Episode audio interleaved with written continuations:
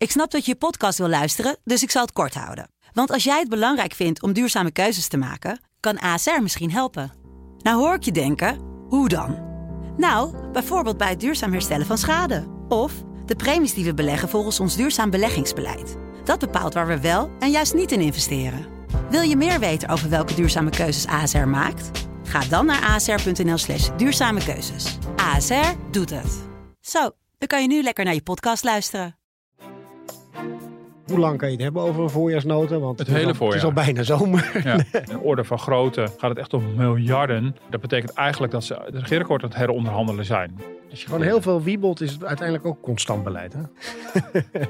Zoiets. Ja, nou, dat vind ik een totaal kul argument. Nou, dat is helder. Dit is Kwestie van Centen. Een podcast van de Financiële Telegraaf met Martin Visser en Herman Stam.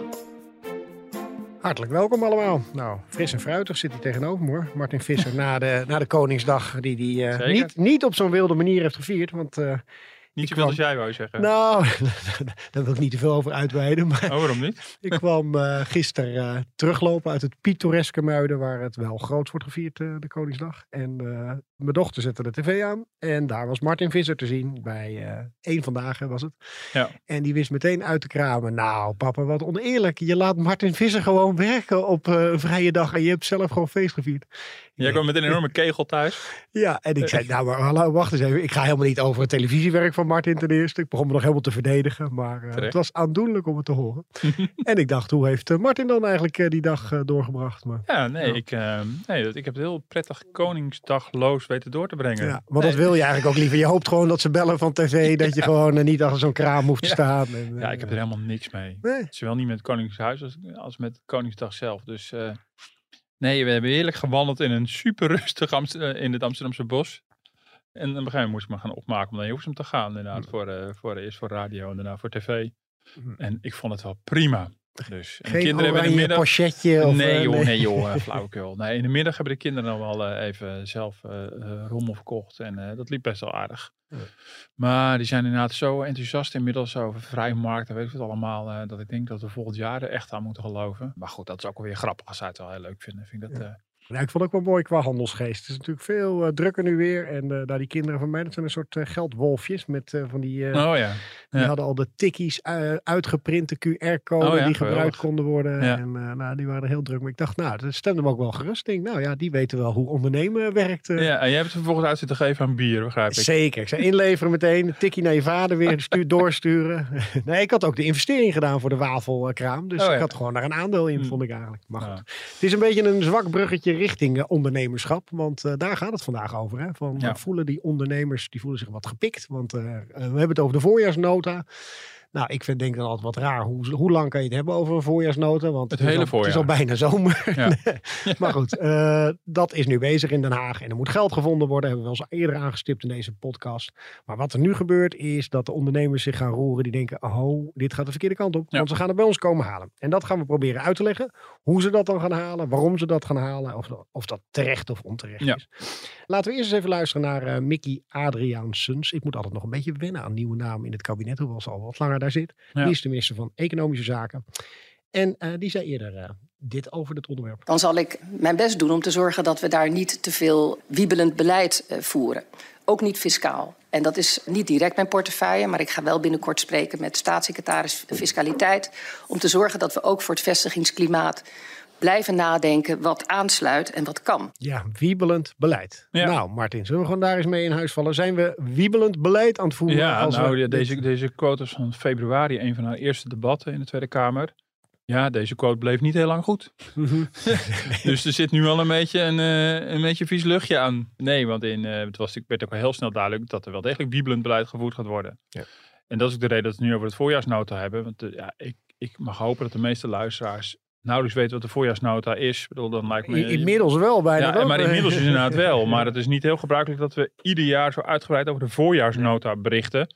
Dat is meestal is het een vrij interne Haagse aangelegenheid. Hamerstukje. Ja. Ja, nou, dat, waarbij, bedoel, daarmee in de voorjaarsnota, die meestal eh, in- mei of zo uitkomt en in juni dan wordt er een klap op gegeven. Dat is het moment dat het kabinet eigenlijk de lopende begroting nog een keer bekijkt. En uh, allerlei aanpassingen doet. Dat is wel, ik bedoel, het haalt wel eens de krant hoor. Maar uh, daar zit ook soms meevallers in. En dan blijkt ineens toch een flinke meevaller te zijn. Of ook wel eens tegenvallers zoals nu. Maar ja, dit is wel heel opmerkelijk dat nou, in december is het regeerakkoord gesloten en is het kabinet begonnen. Ja, en we, zijn nog geen twee, drie maanden, het op stoom, februari, maart.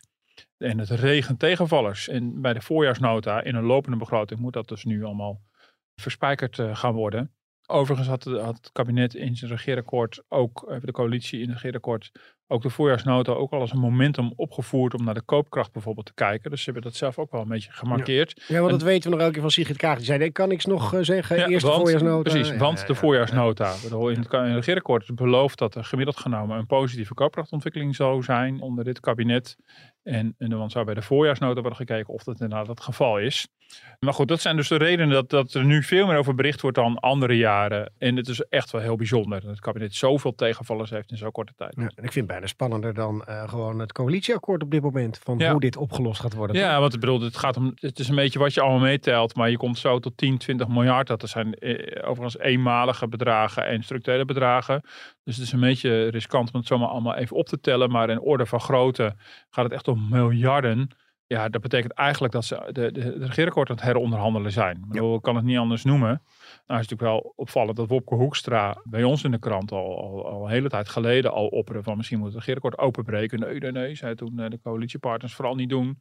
Nu heet het gewoon voorjaarsnota, maar ja, je verspijkert zo ontzettend veel geld. Mhm. Er wordt meer geld verspijkerd dan bij een doorsnee Prinsjesdag. Dus Ja. dit is wel eh, bijzonder. Dus even kijken, want de spaartax, daar is een akkoord nu op. Dan weten we gewoon hoeveel dat gaat kosten. Ja, nou ja. Ja, voor, vooralsnog. Ik bedoel, nou, de spaartax was een grote tegenvaller. Dus dat is voor een heel groot deel is het eenmalig. Daarvan is nu eh, bekend geworden dat het kabinet, daar werd vorige week van bekend, dat het kabinet er vooralsnog voor kiest om alleen de mensen die bezwaar hebben gemaakt te compenseren. En eh, in het najaar, dat is dus de onzekerheid, moet duidelijk worden of ook alle andere spaarders en beleggers moeten worden gecompenseerd. Mhm.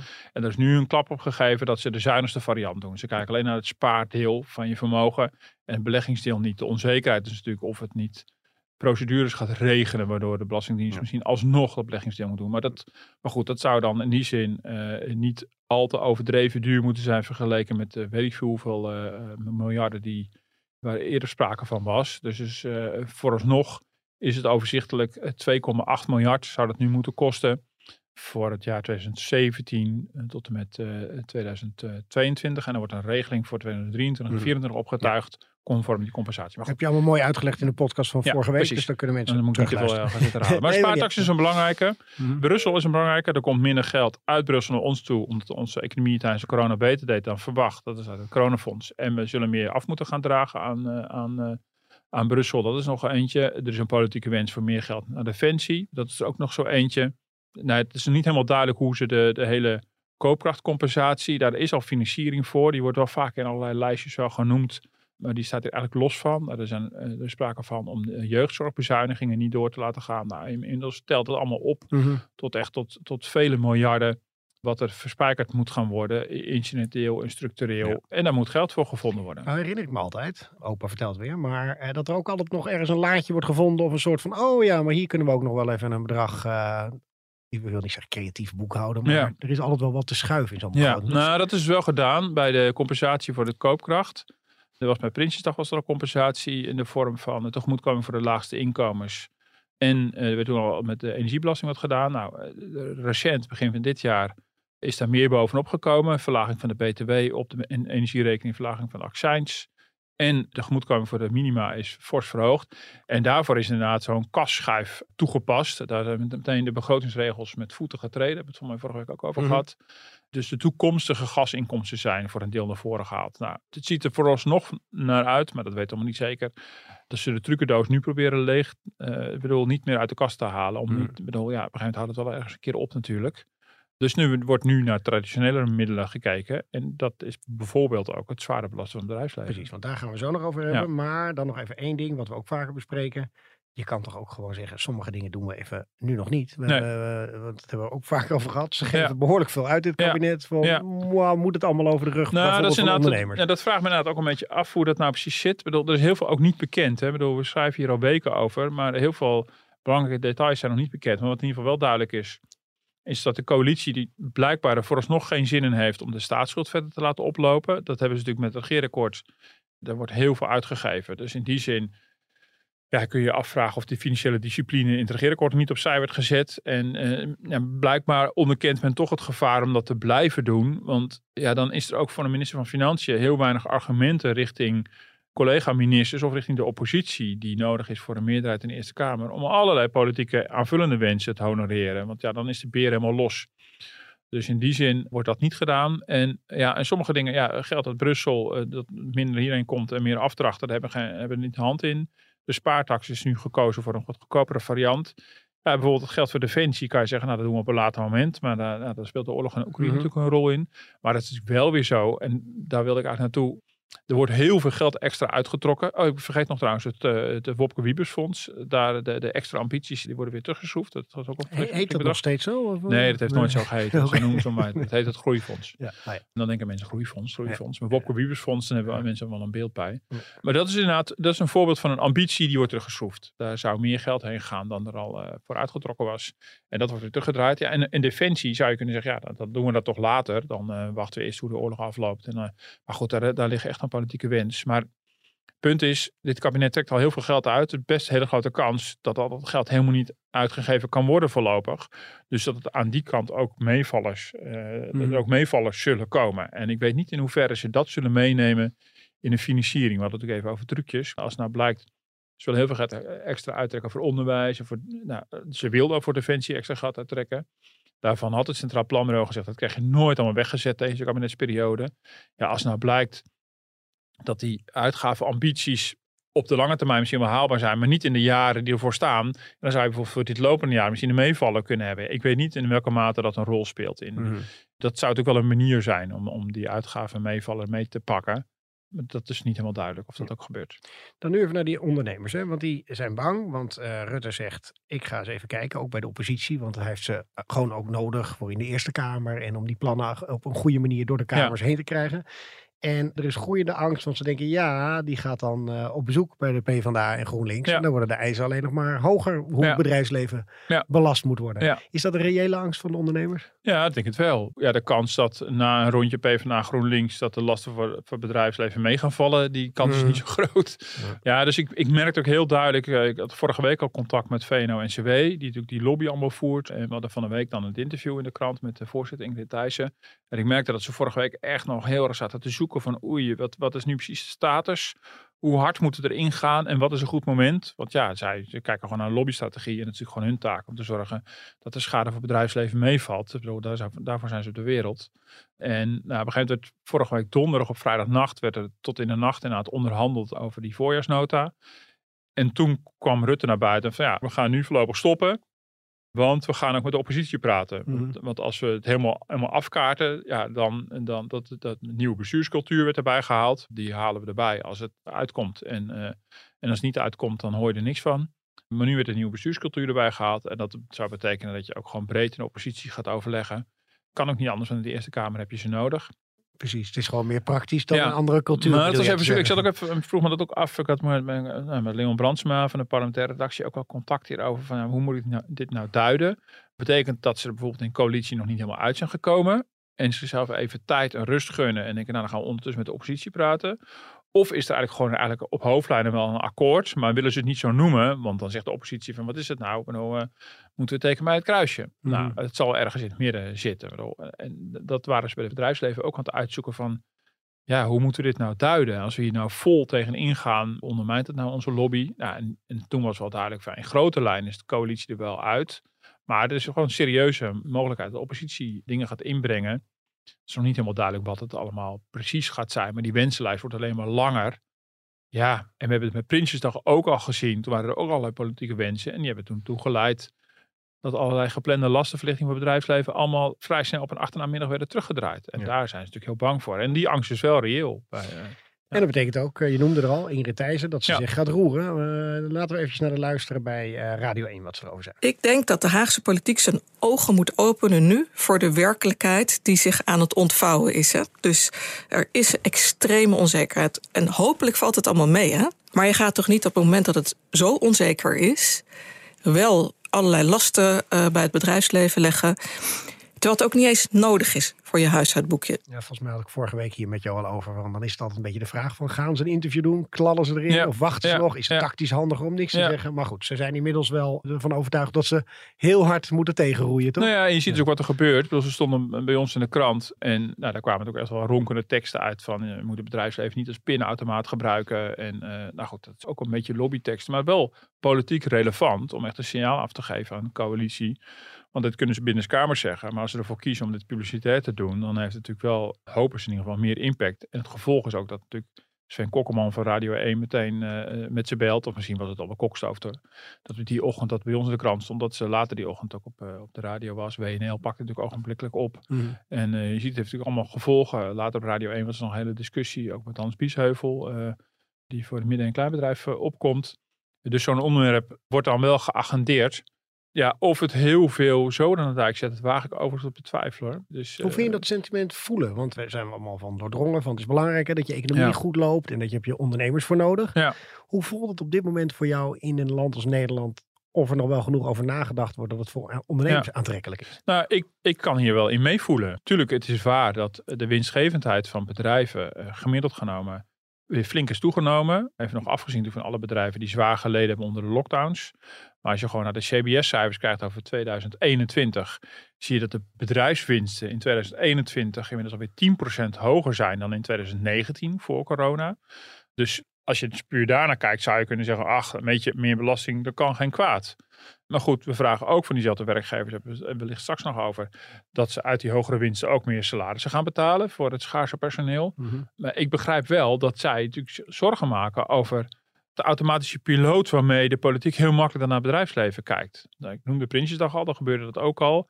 En eigenlijk sinds die afschaffing van dividendbelasting helemaal in de soep liep, nou daar hebben we podcast over volgepraat in de afgelopen jaren, zie je dat dat vrij makkelijk gebeurt. En zeker nu er een coalitie zit die moeilijke politieke keuzes uit de weg gaat, namelijk bezuinigen, daar zijn ze niet van. Ze mhm. delen alleen maar echt zijn geld uit. En bij de burger halen ze het sowieso niet. Ik bedoel, dat lijkt me overigens ook verstandig hoor dan wordt het bedrijfsleven een soort restfactor. En dat, die, die bui zien ze hangen. En dat, dat sentiment, dat ze daar bang voor zijn.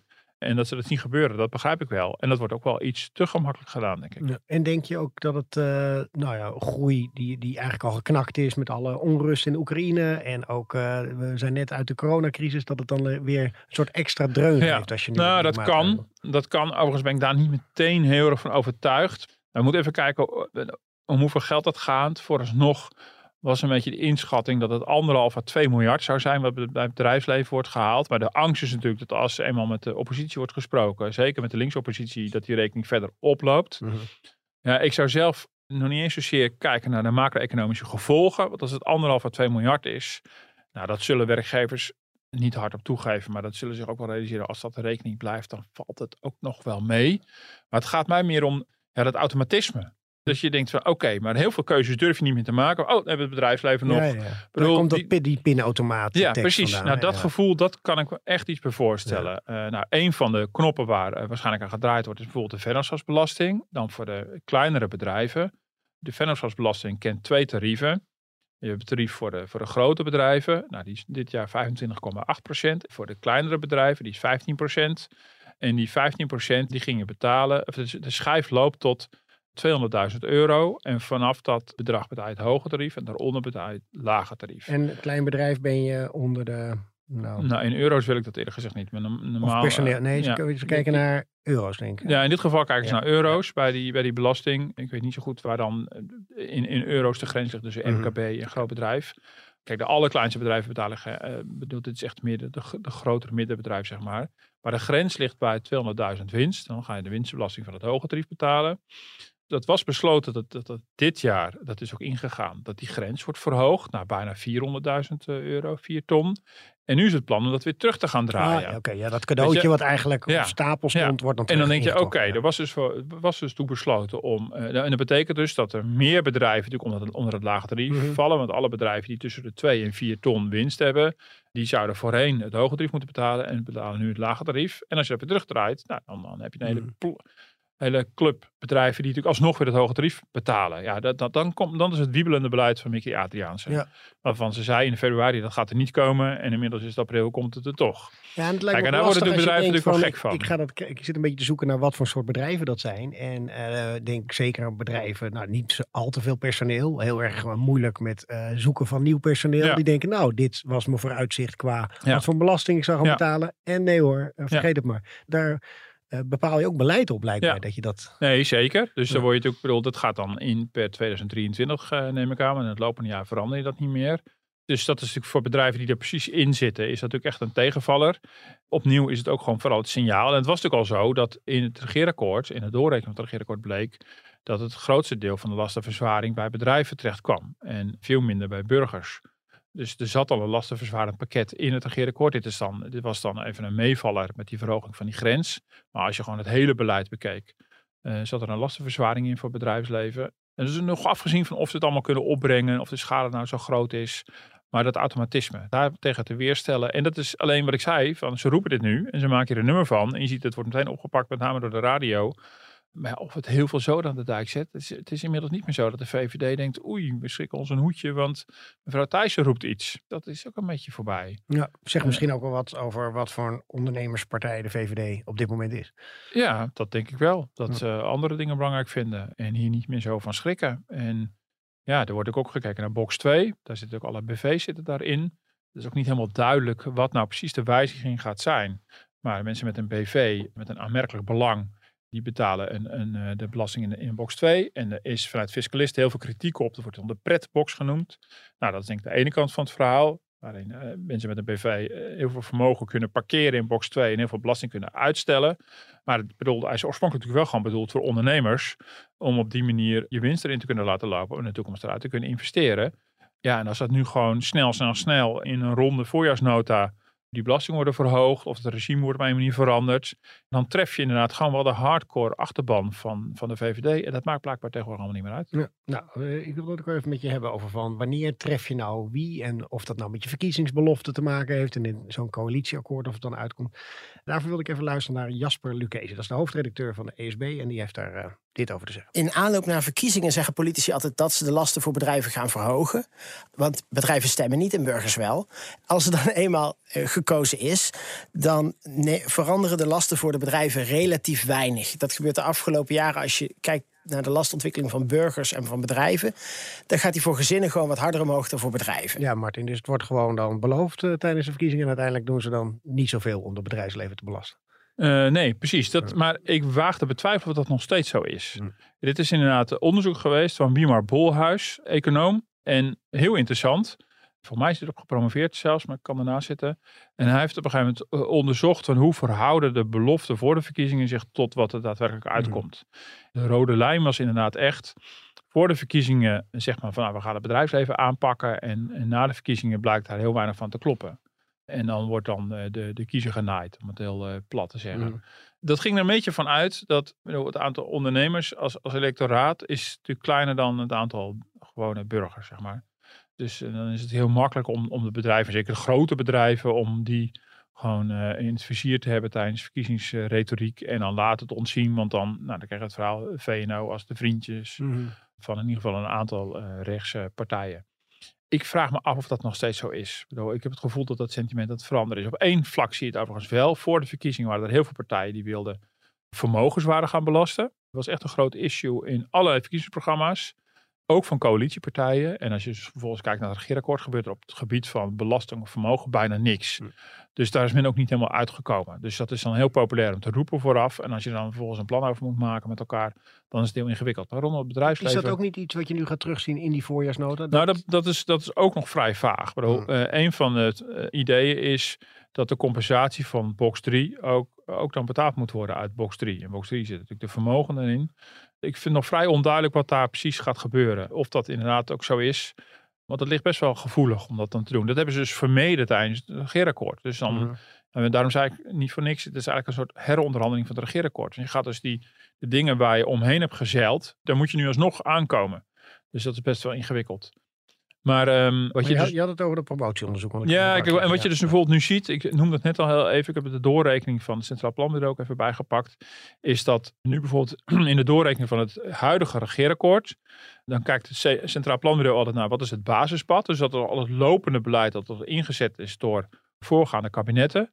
En dan zag je dat voor de komende regeerperiode, als, als een regeerakkoord blanco zou zijn geweest, dan hadden de, de gezinnen, huishoudens hadden nou, richting de 5 miljard aan lastenverzwaringen eh, verstouwd gekregen. En door, door het regeerakkoord niet leeg is, is dat iets teruggeschroefd naar pak een beet een 3 miljard lastenverzwaring. De coalitie wil graag het net doen als ze lastenverlichting uitdelen, maar dat is dus een lastenverlichting ten opzichte van de verzwaring die er al in zat in de pijplijn. Als je me nog begrijpt. Ja, ik snap het. Dus, maar ik eh, moet dus hem wel zij- even langzaam laten landen. Dus ja. ze hebben inderdaad, eh, we, dreigden dus, dus, dus 4,5 miljard a- a- aan verzwaringen te krijgen als, als huishoudens. En het worden er drie. Hm. Eh, bij de bedrijven zie je precies het omgekeerde. Daar zat in de pijplijn al bijna 5 miljard aan lastenverzwaring. Aan lopend beleid van voorgaande kabinetten. En dat is flink opgeplust naar nou, een pak een beet een 6,5 miljard. Dus hier zie je dus juist eigenlijk het tegenovergestelde van Jasper Lucchese. Wat hij zegt, gebaat, gebaseerd op dat onderzoek wat ik aanhaalde. Ik heb de stellige indruk, dat dus echt moeten uit gaan zoeken met, met, op basis van cijfermateriaal, langjarig, dat die wetmatigheid nu niet meer helemaal opgaat. Maar Van- is, is dat er überhaupt, dat cijfermateriaal? Is ja, dat, zijn- nou ja, dat is inderdaad. Ik heb bij het Centraal Planbureau nagevraagd van kan ik een verdeling krijgen over lasten, gezinnen versus bedrijven eh, sinds 2010. En zeiden dat hebben we eigenlijk niet. Sinds 2018 hebben we dat, maar sinds 2010, ik- kan je de hele periode Mhm. Rutte overzien. Nou, dat heeft even met statistische definitiekwesties en zo te maken. Ik ben er een beetje, nou goed, ik denk van nou weet je, dat doen we na mijn vakantie. En, eh, maar in ieder geval, eh, eh, eh, dat promotieonderzoek heeft dus wel in ieder geval laten zien. en, eh, dat heeft gewoon echt regeerakkoorden steeds vergeleken met, met verkiezingsprogramma's. Dan moet je ze echt stuk voor stuk gaan vergelijken. Eh, ik dacht even heel snel een statistiekje van het Centraal Planbureau op de vraag en ik ben klaar.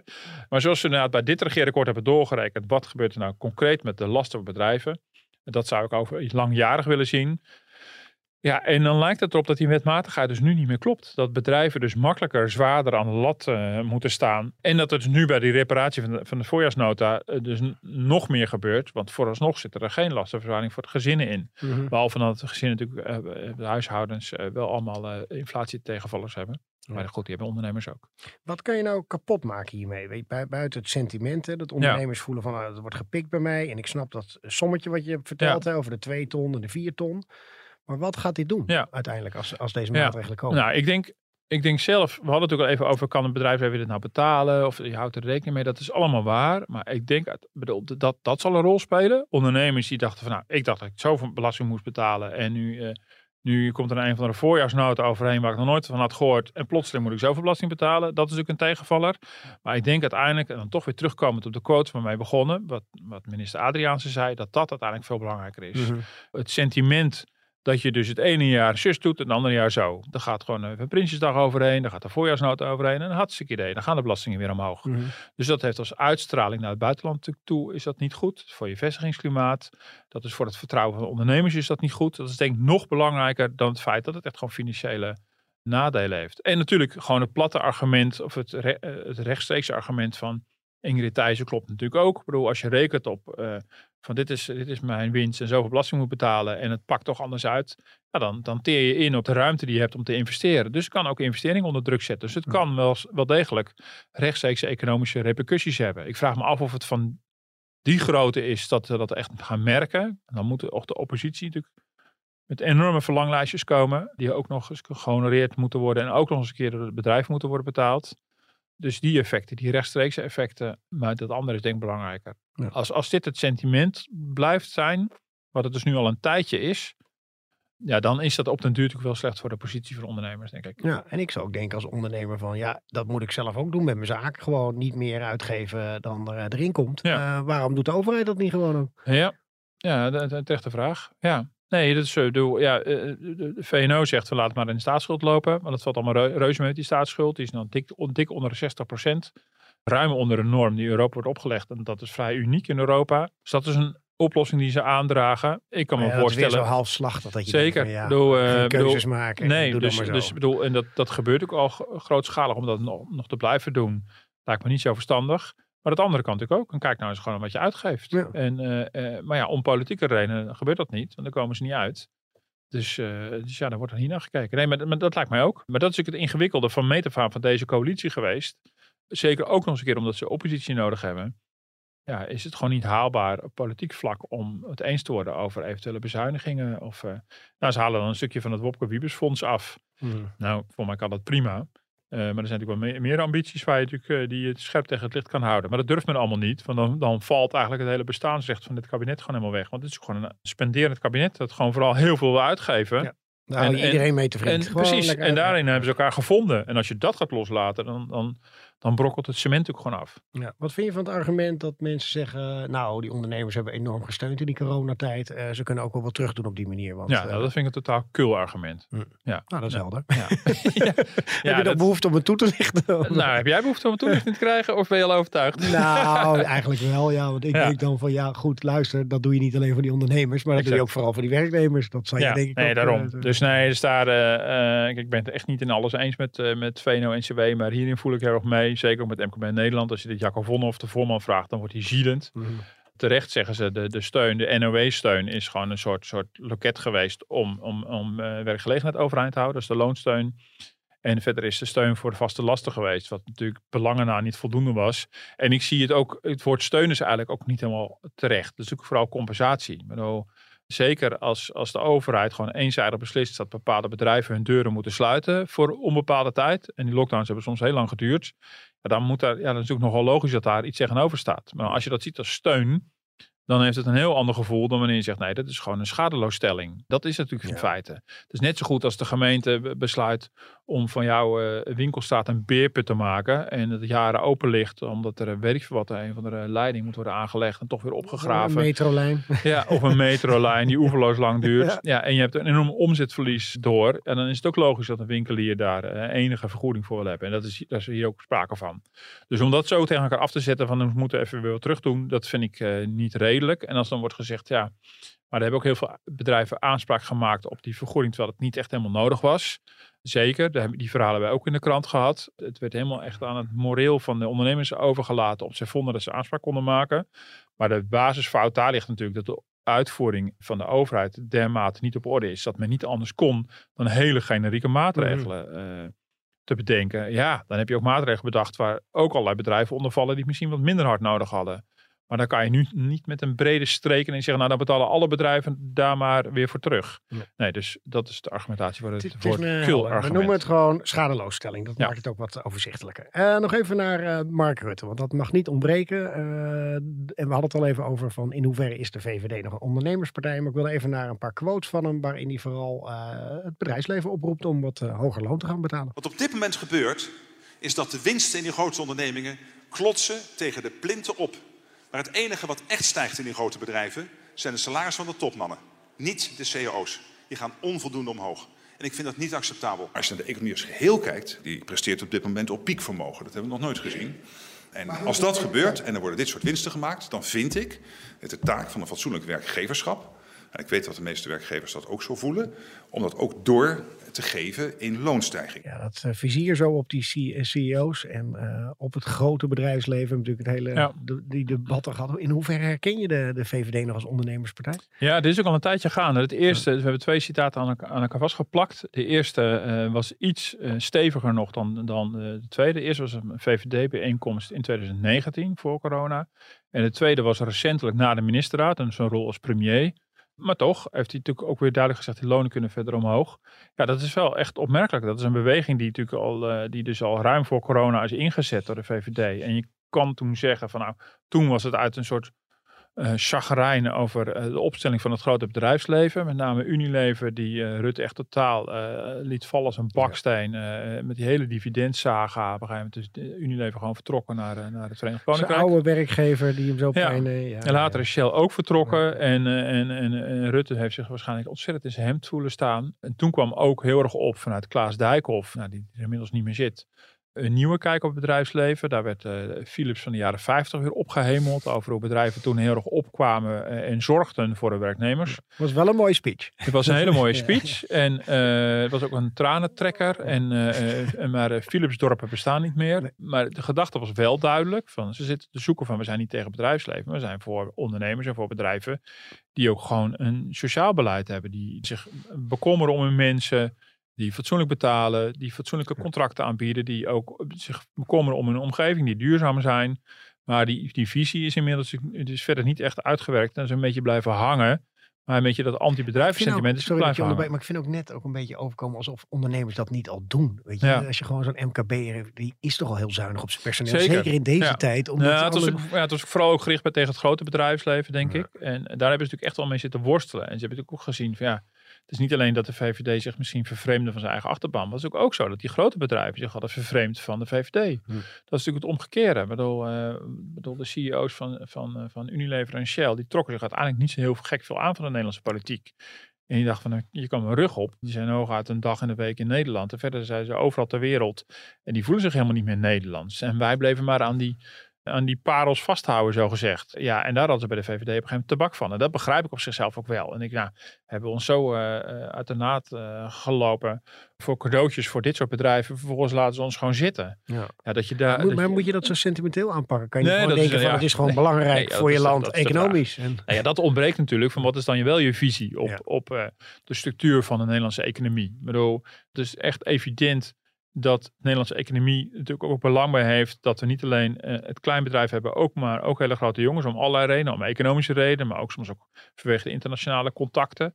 Maar dat betekent ook weer niet dat je à la die dividendbelasting alles op alles moet zetten om, om iedereen maar te vriend te houden en iedereen maar te houden, die, ook die grote bedrijven. Maar er is niet echt een visie opgekomen, ook niet van economie, vanuit economische zaken bijvoorbeeld. Wat willen we nou precies met, met die hele grote bedrijven? En als we dan bijvoorbeeld eh, zeggen, nou Shell en Unilever, daar hebben we niks meer mee, maar we moeten het hebben van de parels als ASML. Ik bedoel, waarom overweeg je dan nu, dat hebben we nog niet eens genoemd, om bij de voorjaarsnota de expertregeling bijvoorbeeld Hm. te versoberen? Dat kan, dan kan je op een gegeven moment... Wat heel erg van belang is voor bedrijven zoals ASML. Want die halen mensen Ja. binnen hier en die Ja. hoeven dan minder belasting Ja, betalen. nou, dat, kan- daar kan je voor kiezen. Je zegt van nou, we vinden niet reëel dat de expats eh, grote fiscale voordelen hebben ten opzichte van eh, niet-expat werknemers. Ik bedoel, dat kan je vinden, maar in welke visie op het bedrijfsleven is dat precies ingebed? Ja, dat ontbreekt het totaal. En dus in die zin ben ik het met je eens. Het is erg sentiment gedreven en Ja. doet de VVD eh, volop aan Dit mee. trouwens ook hè, met die expertregeling. Want het zit ook gewoon in het hoofd van het zorgt ervoor dat er geen woningen meer zijn in steden zoals Amsterdam. Omdat er zoveel experts zijn, Ja. toch? Ja, Dat, eh, ja, nou ja, en, dan- daar moet je gewoon proberen om gewoon zakelijk naar te kijken. En eh, zet het dan maar op een rij. Want natuurlijk is het zo dat hoe meer expats, hoe, eh, hoe meer woningen die nodig hebben. Dat is ook allemaal, dat is ook allemaal waar. En als expats goed betaald krijgen en ze hebben ook nog fiscale voordelen, hebben ze ook meer financiële ruimte om te, om te bieden op huizen. Dat zal allemaal waar zijn. Maar doen we het in ieder geval niet vanuit een sentiment. En doe het ook niet op een achter, achternaamiddag in een voorjaarsnota even eh, koud stellen. Mhm. Maar eh, ja, doe dat even minder wiebelend eh, om eh, minister Adriaanse. Als je gewoon heel veel wiebelt, is het uiteindelijk ook constant beleid. Hè? Zoiets. Ja, die kan op een tegeltje. ja, die, soort, die ik, die ik Dat is een soort Johan Cruijffje. Ja. Ja. Nee, eh, ja. Maar, die, maar die lonen nog eventjes. eh, Ja. Gaat dat niet vanzelf gewoon goed komen in deze arbeidsmarkt? Dat, Ja, ik- kan wel lekker oproepen, Ja. maar er zijn zo weinig Nou, arbeidskrachten. kijk, Ingrid Thijssen zei, en dat is wel terecht, er gebeurt al het een en ander. Dat is wel waar. De lonen lopen al de laatste maanden weer op. Maar ik merk wel heel erg, ook bij de Nederlandse banken, bij het Landbureau, dat ze zoiets hebben van, ja, het is toch weer raadselachtig. De, de, de, de krapte op de arbeidsmarkt is echt extreem. En de lonen die we tot nu toe zien, die passen daar eigenlijk niet bij. En dat is precies hetzelfde raadsel als voor corona. En er is toch wel een vrees voor een herhaling daarvan. Hmm. Het is niet zo dat we helemaal op het niveau van 2017, 2018 zitten. Dat is echt niet zo. Er worden echt wel weer CO's afgesloten met ruim 3%.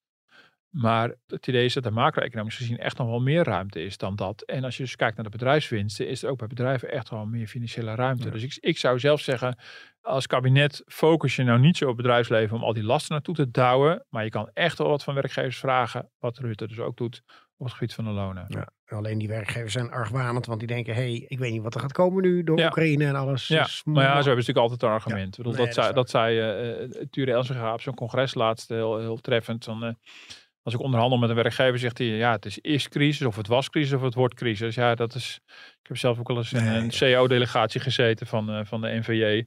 En ik bedoel, de, de werkgevers aan de andere kant van de tafel zo altijd zeggen, ja, oh, maar dat is net crisis geweest. Of, oh, het is nu crisis. Of, oh, eh, oorlog. En eh, Ja, en zo is het natuurlijk nooit, is het altijd tijd om loon te matigen en nooit voor hoge loonsverhogingen.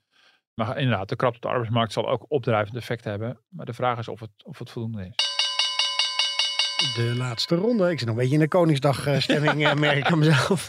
Wat jij eens voor de laatste ronde, Herman? Nou ja, ik wil in ieder geval even netjes zeggen dat we volgende week niet te beluisteren zijn. Dat is van belang. Ik zat eerst heel erg te denken over Johan Derksen. Nog eens even mijn ergernis over Wilfred Giné naar boven te halen. En hoe dat allemaal zo weer uit de hand kan lopen. Maar nou, volgens mij is er wel uh, genoeg over genoeg gezegd en geschreven. Ik uh, geloof het allemaal wel. Ik ga maar lekker. Dit wordt achterhaald wat ik nu ga zeggen. Ik ben me heel erg aan het verheugen op vanavond als Feyenoord-fan. Ik ga weer even wat sport opwerpen bij jou, Martin. Maar die moeten de halve finale voetballen. Ja, ik heb nou, elke keer naar die Ajaxiden moeten luisteren. Die hadden hele mooie jaren. Maar nu mogen wij eindelijk een keer. Dus, maar misschien hebben we morgen, of vanavond dus, uh, weet ik veel, met 2-0 verloren. En dan is alle euforie weer weg. Kan nou, als ik dit van het weekend terugluister, dan is het ook dan weer voor mij nieuws. En ik Feyenoord, echt serieus? Feyenoord? Ja, ja, ja. ja, ja, ja, Halve finale. Nou, jij gaat het zeker niet kijken vanavond. Nee, maar uh, nee. goed. En jij, heb je nog iets? Nee, nee, uh, nee. Dus even een beetje tussenuit. Dat is ook wel even lekker. En dan pakken we de draad weer op met uh, voorjaarsnota's, uh, box 3, FNV-ellende. En komen we weer helemaal terug met allemaal nieuwe onderwerpen. Nou, we gaan ook even verder, dat zei je al, van we gaan verder duiken in van in hoeverre is het nou ondernemersvriendelijk geweest, dit kabinet de afgelopen jaren. Ja, ik geloof dat ik mezelf nu wel een beetje een opdracht heb bezorgd. Nou, daar ben ik heel blij mee, want daar hadden we het al eerder over, dat hoop ik natuurlijk. Nou, komen we ook nog op terug. bedankt voor het luisteren. Martin gaat u bijpraten over hoe het werkt met de duimpjes en de aanbevelingen. Let op. Nou, vond je dit nou een interessante podcast? Ondanks het geouwe eromheen. Uh, of misschien juist wel daarom. Geef dan duimpjes, sterretjes in de podcast-apps. Dat vinden wij leuk. En dan zijn we ook beter vindbaar. En dat vinden we belangrijk. Ja, dat is wel belangrijk wat je zegt. Wat geouwe eromheen. Ik weet dat jij daar niet zo fan van bent. Maar ik hoor ook heel vaak van onze luisteraars van dat ze dat zo leuk vinden. Om de mens Martin Visser wat beter te leren kennen. En dat hebben we toch weer voor elkaar gekregen vandaag. Mail ons daarover op podcast.dft.nl als u zegt van dat geouwe moet helemaal stoppen. Het moet alleen nog maar over hardcore economie gaan. Mag ook. In ieder geval, tot over twee weken.